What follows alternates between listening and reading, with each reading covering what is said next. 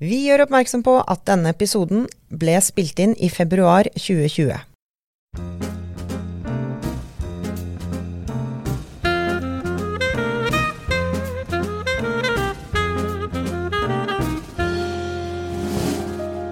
Da er vi utenfor huset til Kikkan, og her har eh, Petter Petterson akkurat svingt opp med sin lille Toyota.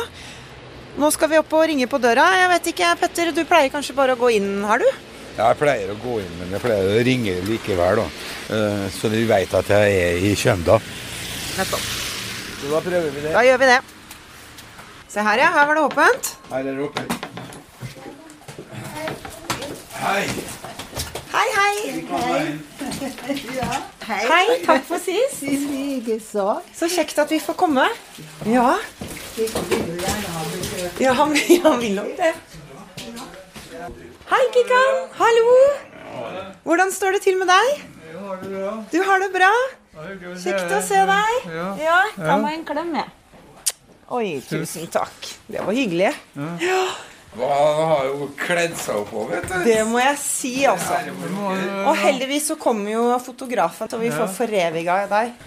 Det er noen gamle opplevelser som Kikkan har hatt, som må frem til Ja, men så flott, da. Det vil vi gjerne ha med. Det er en jazz-historie. Jeg har lagt lapper. Jeg lurer på om du skal få bla på hvis jeg ikke kan. Konsert i 52. I Oslo, ja. Ja. Ja. Da var jeg 22 år. Ja. Da var jeg i Trondheim på militæret og tok tjupen. Stakk av fra militæret og fikk sitte på en fotballbuss til Oslo. Så natten gikk bort. Ikke hadde penger. Jeg fikk låne noen kroner hos en onkel. Så du kom deg inn på konserten? Ja, da, jeg Ja. var på Fornebu når Armstrong ankom. Men Louis Armstrong var ikke her? I Molde? Nei. Han, Nei. nei. han uh, var ganske inaktiv det siste Jeg er ikke sikker på når han døde, men eh, han var født akkurat rundt år, årtusen, Ja, altså rundt 1900. hundreåret. Ja. Eh, Starta festivalen litt for seint. Ja. Ja. Selv om dere var først, så var det litt seint. Du hadde, du hadde jo vært interessert i jazz i mange år. du, Ja, det ja. Jeg begynte i 1946. Ja.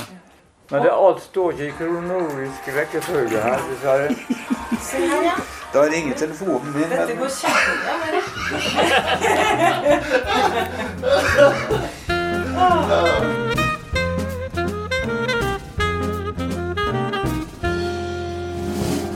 her, vet du. Hele verdens Ella Fitzgerald. Og der er du med på bildet, faktisk. Ja, Du og to andre kompiser. da stakk han og størk. Og så var det Finn Båger. Han gifta seg med en av døtrene til tannlege Myhre, tror jeg. Ja, det stemmer, det. Ja, husker du, Petter? Og dette bildet er tatt på Hotell Continental Continental, i ja. Oslo. Ja, Har du tatt like godt vare på alle minner som eh, i denne boka her? Ja hva du mener med det? Har du flere sånne permer med Ja, utklipp 20 og gode 20 permer, ja. Nettopp.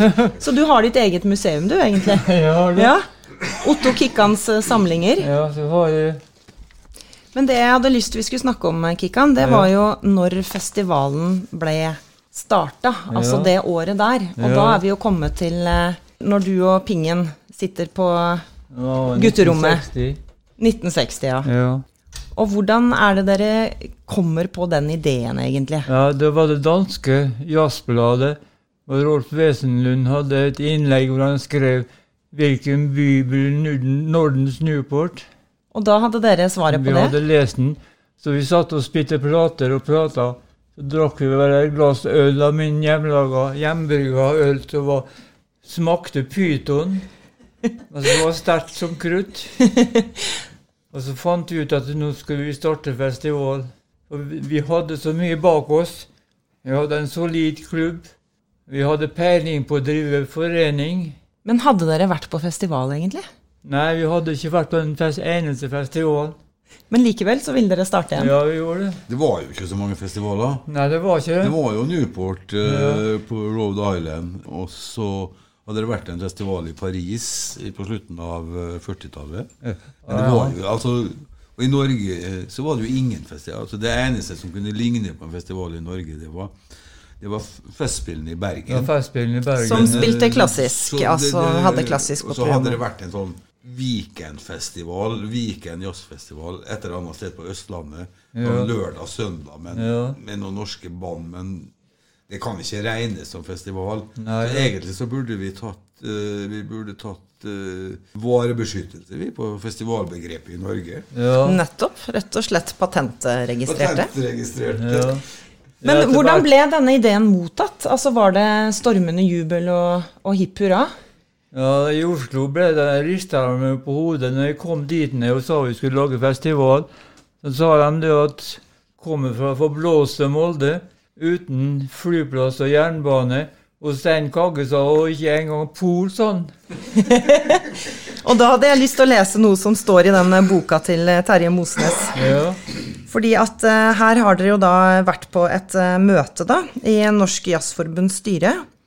Og så er jo dette litt fargerikt uh, gjengitt, helt sikkert. Men her står det altså Vi satt der og hørte på denne gærningen fra Molde som snakket om å lage jazzfestival i en by som lå en dags togreise unna Oslo. Vi visste vel ikke engang hvor Molde lå alle sammen, og vi lo av ham. At noe slikt skulle kunne arrangeres utenfor Oslo, forekom oss aldeles tullete. Var det, var det sånn det var? Det var sånn det var, ja. Men vi sto på. Og hvordan gikk det de første årene med Det festivalen? gikk, ja, det gikk jo bra. Takket være Leif Evensen, turistsjef. Da jeg skulle inn og takke for i år på Revalen, så sa han at Og da, da hadde styret bestemt at det skulle være festival annethvert år. Så sa Evensen Du grep en fatt i meg så sa han at nå sier du neste år. Og det gjorde jeg. Og da ble det året etter. Ja. Ja. Hva er det du husker fra den aller første festivalen? Altså, da var det tre dager, ikke sant? ja. Nei, jeg husker selvfølgelig det som Petter har skrevet om. Middagen hjemme med Benny Berry. Som var det internasjonale alibiet. Han var internasjonal. Vi har et bilde av ham et eller annet sted. Tatt av meg og Benny Berry på Varden. Hva, hva syntes han om Molde? Det må jo ha vært eksotisk for han å komme hit. Ja, jeg, jeg husker ikke så my veldig mye. Han ble henta på Vigra av slaven og, og Jan Søvik. Og Jan Sø Søvik-familien hadde en flott bil. Og vi kunne ikke sette den på en buss på den forferdelige veien fra Ålesund til Molde. Det hadde vi ikke samvittighet til, så de kjørte med den flotte bilen. Det var enkelte som rista på hodet, da. For vi var sammen med, vi var sammen med en neger. Det var ikke bra. Nei, det var, eh, det var andre tider den gangen. Ja, det var det. Så kom det jo noen svarte musikere. Ja. Noen flere etter hvert. ja. Og da, men det, det var jo stort sett bare det, det, det, Ellers så var jo byen ganske kritthvit. Og svarte musikere hadde jo gratis adgang på jammen på, Ja Alex og sånn. ikke sant? ja, det stemmer. Men så, men så var det en student på, fra Ghana på Landbrukshøgskolen Ja. på Bruksnes som var i byen. Og han kom også gratis inn. Ja. Ja, det var jo spesielt å møte Afrika, afroamerikanere. Jeg husker det var fantastisk at vi gikk med overskudd. Vi, klarte, vi hadde budsjettert med 15 000, og så gikk vi med 30 000. Så dere faktisk satt igjen med litt penger etter den første festivalen.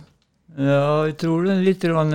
Det ble jo utsolgt, konsertene på Revalen. Ja, Og så ble det arrangert para, konserter parallelt på, på, i aulaen på gjestestova. ja, stemmer. Eh, så liksom dem som spilte først på gjestestova, spilte da sist på Revalen og, Ja. og omvendt. Ja, Så det, det må jo, billettsalget må ha vært ganske mye høyere enn budsjettert. ja, det var det. Og det er ganske fantastisk sjøl i dag å tenke på. Det, for, det gikk vel en 400 mennesker på Revalen, Ja, det var omtrent det, ja.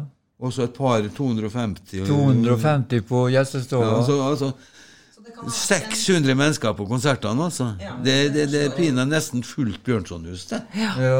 Men videre utover 60-tallet, altså da ble det litt vanskeligere økonomisk, gjorde det ikke det? Ja, det ble det. Det var ikke så mye åtgang hos byens befolkning etterpå. Hvorfor ikke det, tror du? Hva var det som Nei, gjorde at det var ikke så eh, interessant, tenker jeg. tror det var. Det var noen fæle folk som kom til byen, og langhåra og med skjegg, og gikk med Jesus-sko og det heter for noe alt sammen. Og så ble det jo et stort oppstyr rundt dette med narkotikabruk, eller i hvert fall påstander om narkotikabruk. Ja, jeg husker det. Det var en fryktelig dag. Da var i 65. Og det sto i Sunnmørsposten at i Molde raver musikken omkring i narkotikarus. Og det har du tidligere sagt at det var en av dine største nedturer. Ja, det var det. Det var en fæl dag. Utpå dagen så tok noen venner fatt i meg og plasserte meg på et hemmelig sted. Sier du det, ja? Det var såpass stort det var det. påtrykk. Media sto på som bare det. Det var ikke så mye media, men de som var der, de sto på. Det, og det jeg som formann fikk jo det verste trykket. Men eh, jeg tok igjen. Det gjorde du. Ja. Og så vel, var det vel til slutt Sunnmørsposten som måtte betale ja En, de, Ja, de slags- møtte opp med den gang som, den som var Norges stjerneadvokat, Alf Norhus. Og skulle jeg møte der og snakke med Sunnmørsposten, og jeg hadde med meg Oddvold, som var en traust kar, men han var ikke noen, noen stjerneadvokat. Han var en snill og hyggelig kar. Og så ble jeg grilla av Alf Norhus i flere timer. Han kom ingen vei, for jeg hadde god samvittighet. Det, ikke, det hadde ikke resten av styret, for de visste at det i Oslo ble eh, eh, røkt en del hasj. Det hadde ikke jeg fått vite, så jeg satt der. Og da skjønte Sunnmørsposten at jeg hadde tapt, så de tilbød forlik og 6000 kroner, som var mye penger den gangen. Narkotika og, og jazzmusikere, det, det, det, er en gammel link. Det som var greia der, var jo at uh, Sunnmørsposten påsto at nærmest at det var Kikkan som ordna med det alt. Det var, Men eh, Helge Flem Devold han var jo sånn gammel IOGT-fyr og fråholdsmann, og han hadde jo en eh, generell agenda på dette her. da. Han var en sånn skikkelig renlevnadsmann, ja. som man sier i Sverige. det var en sigarett, en fransk sigarett som kom ut den gangen. Ja, stemmer. Det det det, det. Det var Galois kruttsterk. Du, nå kommer det kaffe til deg her, Kikkan. I en veldig spesiell eh, kopp. Ja, det er kafeen alle må, som er i New Orleans må besøke. Og der står det Café du Monde, ja. Ja, Og dette er altså fra New Orleans. ja. Der får du kaffe og donuts med melis på, så du blir skikkelig skitten og lurvete etter å ha spist det. all den donutsen. Men kaffen er god. Kaffen er god, ja. Men den kaperalhistoria er veldig bra, altså. Uh, ja, det, det, det hadde Helge det- det- Flem Devold hadde skrevet det i, i den opprinnelige Nei, han Det, det eh, oppgaven i forklaringa i retten, tror jeg, det med kaperal. ja. Han ble jo dømt. Han, han nektet å oppgi kilder, så han fikk en dom på 500 kroner. Oi, ja det var Det sikkert var mye, på den tida. Ja. Derfor han, En av kildene hans hadde vært på Hot Hats. eh, det- var derfra det kom dette at uh, liksom miljøet i Molde var, drev med, med hasj og sånn. For han hadde snakka med en som hadde vært på Hot den der illegale jazzklubben vi hadde ute i garderobene på, på utstillingshallen, ikke sant, på Revalen. Da var Bergesen tobakk på torget. Han hadde tatt inn Kaporal, som var franske sigaretter og ikke noe filter der. Og de, uten tilsetning av parfymestoffer og sånn. Du, se her, nå kommer Anlag inn med et bilde. Og hvem er dette her? Det er Simon Frem Devold, han som skrev artikkelen. Og så er det du. Ja. Men her ser det ut som dere er veldig godt forlikt. ja, det var Sunnmørsposten som laga dette møtet. Og der skje- Vi holdt en pipe, vi skulle røyke fredspipe. Det er det som skjer. Og hvor, når eh, er dette da en stund etterpå? Ja, det er mange år etterpå. Simon ble jo en god venn. Var et fint menneske, egentlig. Han var jo en god venn både før Ja, og etter. Så denne konflikten her har en lykkelig slutt. Ja, han har det. Han har spilt, spilt på festivalen han eh, etter dette. Ja, han har spilt på festivalen, ja. Men kunne det ha ødelagt for festivalen? Alt oppstyret rundt eh, bruk av ulovlige stoffer? Det er vanskelig å si i dag, Peter. Ikke det at det forekommer narkotikabruk i, i musikermiljøet og i jazzmiljøet og i alle andre kreative miljøer. Men at Molde Men, kunne få eh, rykte på seg for å være at vennlig innstilt. måte, eh, nærmest delaktig i det. Eh, og at vi satt og røkte hasj, hele miljøet satt og røkte hasj på, på Hotet. For han sa det, det var det han sa i forklaringa si. Eh, at han hadde da fått beskjed om at marihuanaen var da innpakka i blå esker som det sto Kaporal på. Så da var det en eller annen som hadde vært på Hothet, og, og da røkte omtrent hele jazzmiljøet og det røkte Kaporal fra Bergesen på torget. Og da hadde, da hadde, vedkommende trodd at vi satt der og røkte ti rever da, ja. i løpet av kvelden, og hadde Alle hadde 20-pakninger med, med hasj på lomma. Ja, stemmer. Ja. Den forklaringa der var jo et ganske godt eksempel på hvor eh, vederheftig den artikkelen var, da.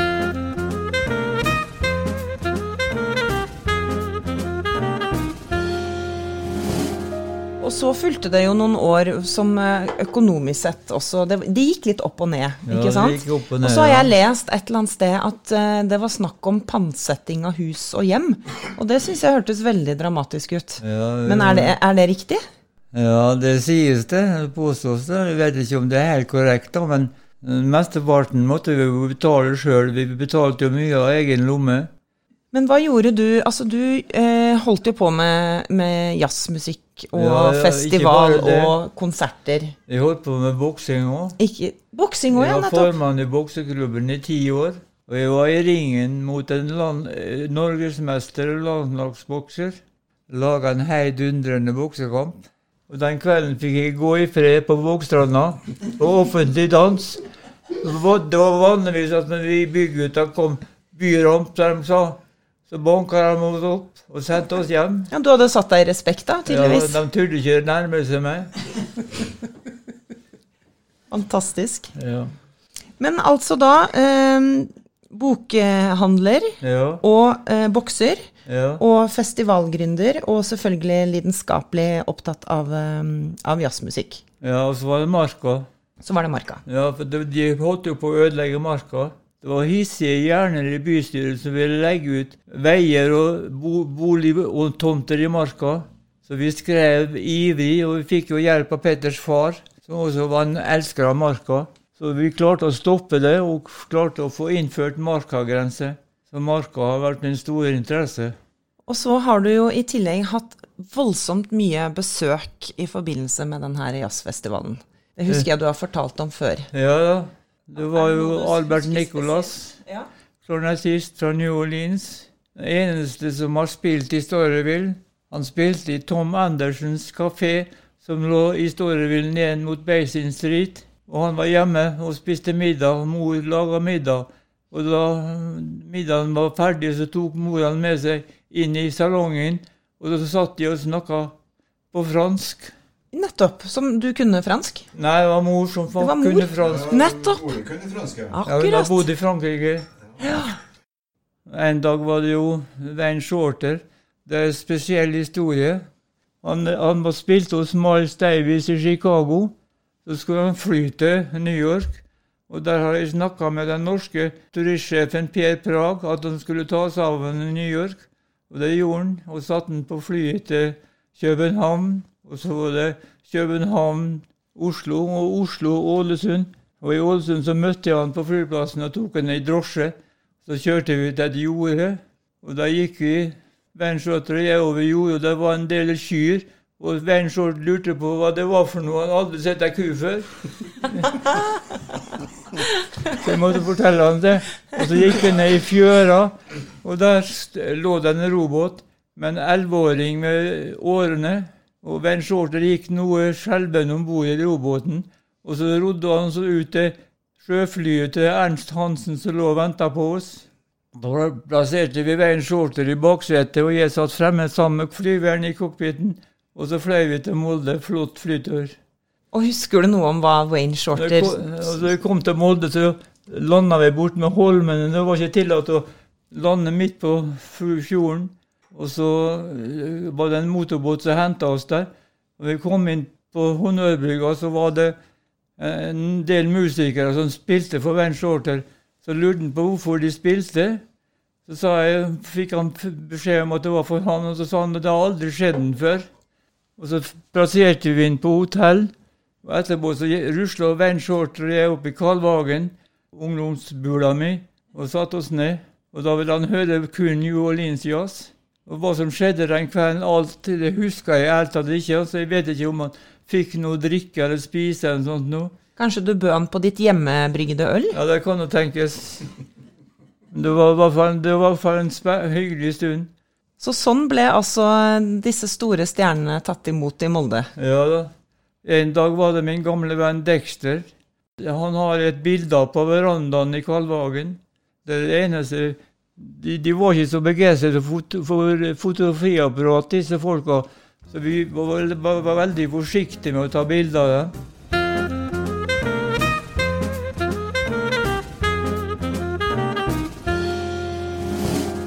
Nå skal vi jo feire den 60. festivalen, Kikkan. Ja, ja da.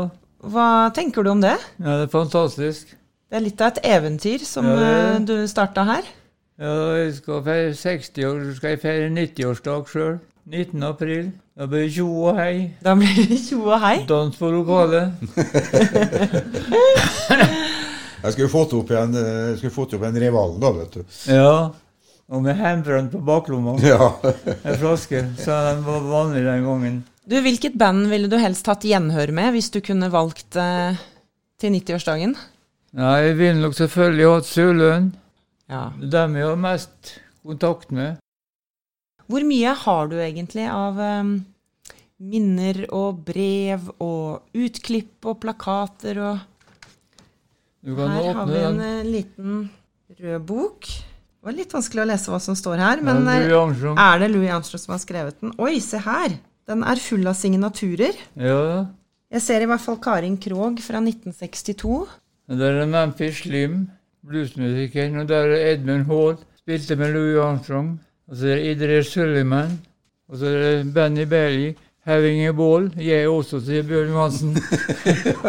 Jeg er også en ball, ja. Og jeg er også en ball, sier Josberg. Du, du har hatt det mye moro, Kikkan. Ja, jeg har hatt det. Ja. Da Der står det 'Du gamle Otto, jeg har det bra'. Være successfully yours, Dexter Gordon, 63. Har han skrevet på norsk? Ja. Han bodde jo i Danmark i Han mange bodde i år, vet du. Danmark, så han kunne litt norsk. Ja. Ja, han snakka litt dansk. Men hadde du med deg denne boka her? Ja, Sånn at, alltid med. Ja. alltid med deg? Ja, ja. Så har jeg film. Jeg tok jo mye 8 mm film. Så jeg har fra klubben en gang i 70-åra. med Champion Jack Dupree. Og så var det bluesentusiast Anton som fikk ånden over seg og grep munnspillet. og sprang opp på scenen. Og det ble en heidundrende blueskonsert. Og den har jeg på film, men ikke med lyd, dessverre. Nei, det er kanskje en fordel. Ja. Det gjør seg det med lyd Ja. av konsert. Men Det er helt på sant. munnspill er jeg ikke sikker, men, eh, men det, det, er ikke, det, det ligger fort på, på en sånn gammel spole det, som kan brenne opp når som helst. ja, det ligger på en gammel spole, ja. Det høres ikke betryggende ut. Nei. Her spørs det om noen har en jobb å gjøre. Det var en spesiell historie der, for han var hjemme hos oss, og Anne var meg før konserten. Og så kom dattera, yngste datter, og Janne, og krøp på fanget hans. Så krøp hun i kinnet. Så sa Jack hun kjenner sikkert etter om faren er ekte. Ja, sånn var det den gangen. Men er det noen festival som du husker spesielt godt, av en eller annen grunn? Ja, det var jo i 1970. Da sendte jeg Anne på sykehuset med stor mage. Jeg fikk ikke lov å være med sjøl. Det var ikke lov til den gangen. Men så gikk, det var festival, så jeg gikk inn på telefonboksen på Alexandra og ringte på sykehuset og fikk beskjed om at jeg hadde fått en datter til. Og da jeg kom ut, så traff jeg fru Taasen. Så sa han, så fortalte jeg henne hva som har skjedd, så sa hun da skal hun hete Alexandra. Sa hun. Du store. Ja. Og, og ble det det? Nei. Nei, det ble ikke det. Det ble Janne. Det var en spesiell festival. For det, vi, det dukka opp et ektepar av hvite, og vi hadde mistanke om at de drev og rota med narkotika borti et orkester. Så vi tok, fra, jeg tok tak i en av musikerne i orkesteret, og, og i en drosje, en bil, og så kjørte vi ned på kaia. Og så fikk han beskjed om enten skulle han snakke, eller så ville han få et ublidt møte med Moldefjorden. Og fyren skjønte alvoret, og han prata ville vekk og fortalte at ekteparet drev med narkotika. Og da vi kom eh, i land, så, opp, så parkerte vi han godt på hotellet, og så dro vi på Knausen, der ekteparet hadde en hytte. Og den tok vi oss inn i, og der lukta det marihuana til 1000. Når vi kom tilbake til Alexandra, så tok vi for oss ekteparet og ga beskjed om at de skulle forlate Molde omgående. Og det gjorde de dagen etter, men sørget for å gå på politikammeret og anmelde meg for distribusjon av narkotika. Nettopp. Takk for den. Så utpå dagen så kom politiet og henta meg inn til forhør. Men det ble jo bare munter og glede av det, for vi hadde jo før festivalen hatt hemmelig møte med politiet om overvåking av eventuelle distributører av narkotika. Så jeg, det ble ikke noe, men det var, dette skjedde på en mandag. Den dagen ble min svigerfar lagt inn på sykehus. Og torsdagen så døde han under festivalen. Så det var en tøff festival. Ja, det er jo ikke så lite man skulle Han døde ikke alene, for han, han hadde med seg søsteren sin, og hun døde. Men de døde med en times mellomrom. Så etter festivalen så var det en tøff tur for Anne og meg på Otrøya. Med kirken kirke med to kister.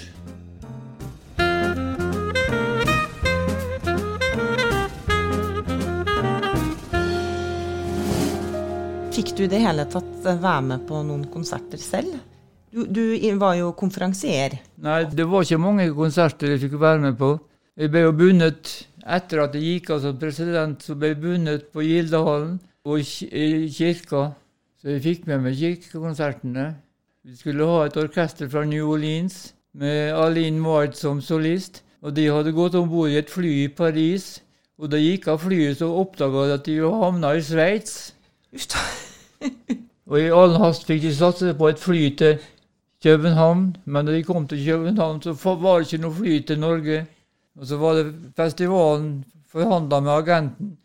Så fikk jeg leid et fly i København. Men flyverne var livredde for å fly over fjellrekkene, så de fløy kysten. Det var fullt av folk, og vi slapp inn her alt i kirka.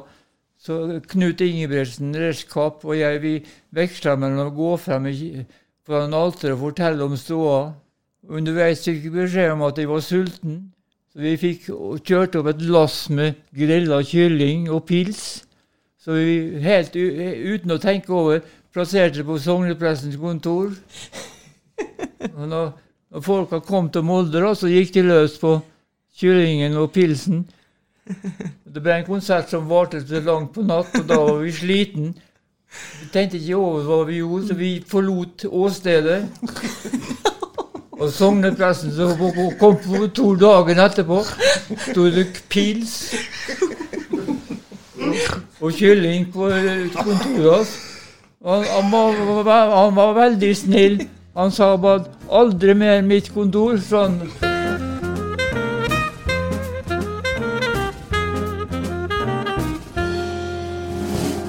Hvorfor kom de store stjernene tilbake igjen til Molde? Jeg husker det var en gang Det var en nydelig sommerdag. Og på Hjertøya der var jeg sammen med Åsmund Bjørken. Med, han hadde med seg trekkspillet sitt. Og så gjorde vi en avtale, og så henta jeg Phil Woods. Han var vant til å opptre på de store scenene. Og så kjørte vi han til Hjertøya. Og på en ra steinrabbe like ved ankomsten så satt Asmund, og så spilte han 'Drømmen om Elin'.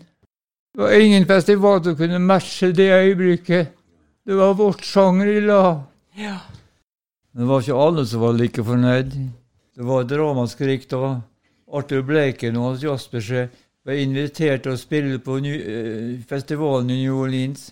Da raste en del jazzfolk og skjelte meg og Bleiken ut huden full. Og så skulle vi fra en liten drittby i Molde og skulle med et drittorkester og en drittfyr over til New Orleans. Arthur Bleken gjorde ikke noe skam på seg i New Orleans. Det var i 78, i april 78. Så fikk Sørlund invitert av Sons of Norway i Minneapolis til å komme til USA. Og da forlangte Sørlund at jeg skulle være med som reiseleder.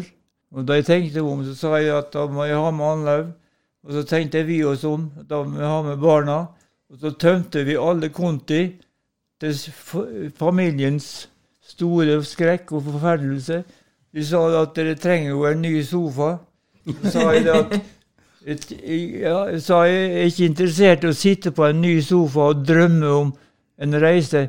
Jeg vil heller sitte på en margarinkasse og tenke på opplevelsene. Og det ble det. Hvor mange ganger har du vært i New Orleans? Husker Åtte du det? ganger. Åtte? Ja da. Jeg var guide i Storyville.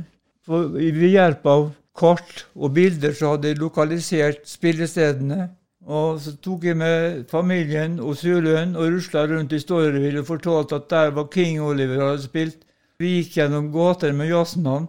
Basin Street, Rampart Street, Burgundy Street og Bourbon Street. Og om kvelden så hadde jeg med familien i Preservation Hall.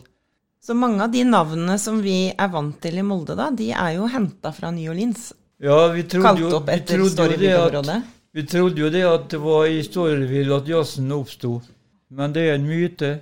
Jazzens pionerer var død lenge før Storyville åpnet sine porter 1.1.1898. Og så ble det slutt på Preservation Hall i, i Molde, men vi har i stedet fått Kikkans hall. Ja da, den har vi ja. Per- Perspiration. Perspiration, ja. Perspiration. Perspiration Hall, ja. Ja. Der Hva sa jeg nå? Jeg tror du sa preservation. ja. Preservation. Det, det, det, Det er jo noe New det er den i New Orleans, ja. ja. ja. Men i Molde Du heter perspiration. perspiration. Ja. Som i svette, da. Perspirering. ja, ja, ja, nemlig. Ja, det var et ordspill. Ikke sant? For det Ja. var Han Gåsaper fyrte på peisen. ikke sant? Så det ble perspiration. Da ble det ganske varmt utover kvelden. Så navnet ga seg egentlig sjøl. Å, herlig. Jeg har én artig historie, jeg, da. Bare sånn til slutt. For vi var jo oppe på um, loftet på Reknes i går, eh, sammen med Nasjonalbiblioteket. Og da finner de fram eh, gammel korrespondanse. Dette er da Johs Berg som har sendt til Storyville Jazzklubb. 18.6.1963. Og nå dreier det seg om Altså, Dexter Gordon har vært her. Nå dreier det seg om uh, Sonny Stitt, som de ønsker å booke. Og da er jo Johs Berg da tydelig veldig begeistra for uh, Sonny Stitt, uh, men det dreier seg litt om hvilke betingelser, da, og hva som skal stå i kontrakten. Så da skriver Johs Berg Sonny Stitt er visst også absolutt en trivelig kar. Spiller jo også jævlig bra. Han kan sikkert fås for samme betingelser som Dexter. Da kan man jo skrive til Stitt og si 'kjøss meg bak'. Enten kommer han som avtalt, eller så kan han dra til helvete. Ja, det var enkelt Altså, og greit. det var tonen, da! Ja da. Du syns det er Det ble jo det er en, hei, det ble jo en heidundrende kveld det på Alexandra, med sånne Stitt og Dexter Gordon. Som alle som opplevde den, snakker jo med store bokstaver om Ja. den stunden. Vi har noen sekunder opptak av den jammen. Noen sekunder. Noen sekunder, ja. Ligger på loftet.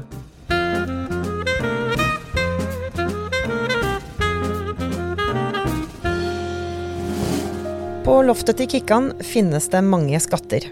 Vi håper at folk skal få lov til å nyte godt av dem, og at de blir godt tatt vare på for ettertida. Etter at denne episoden ble spilt inn, har Kikkan fylt 90 år. På dagen ble han overraska i sin egen hage av jazzvennene. Og med dette klippet sier vi takk for at du hørte på denne episoden av Ut og jazze.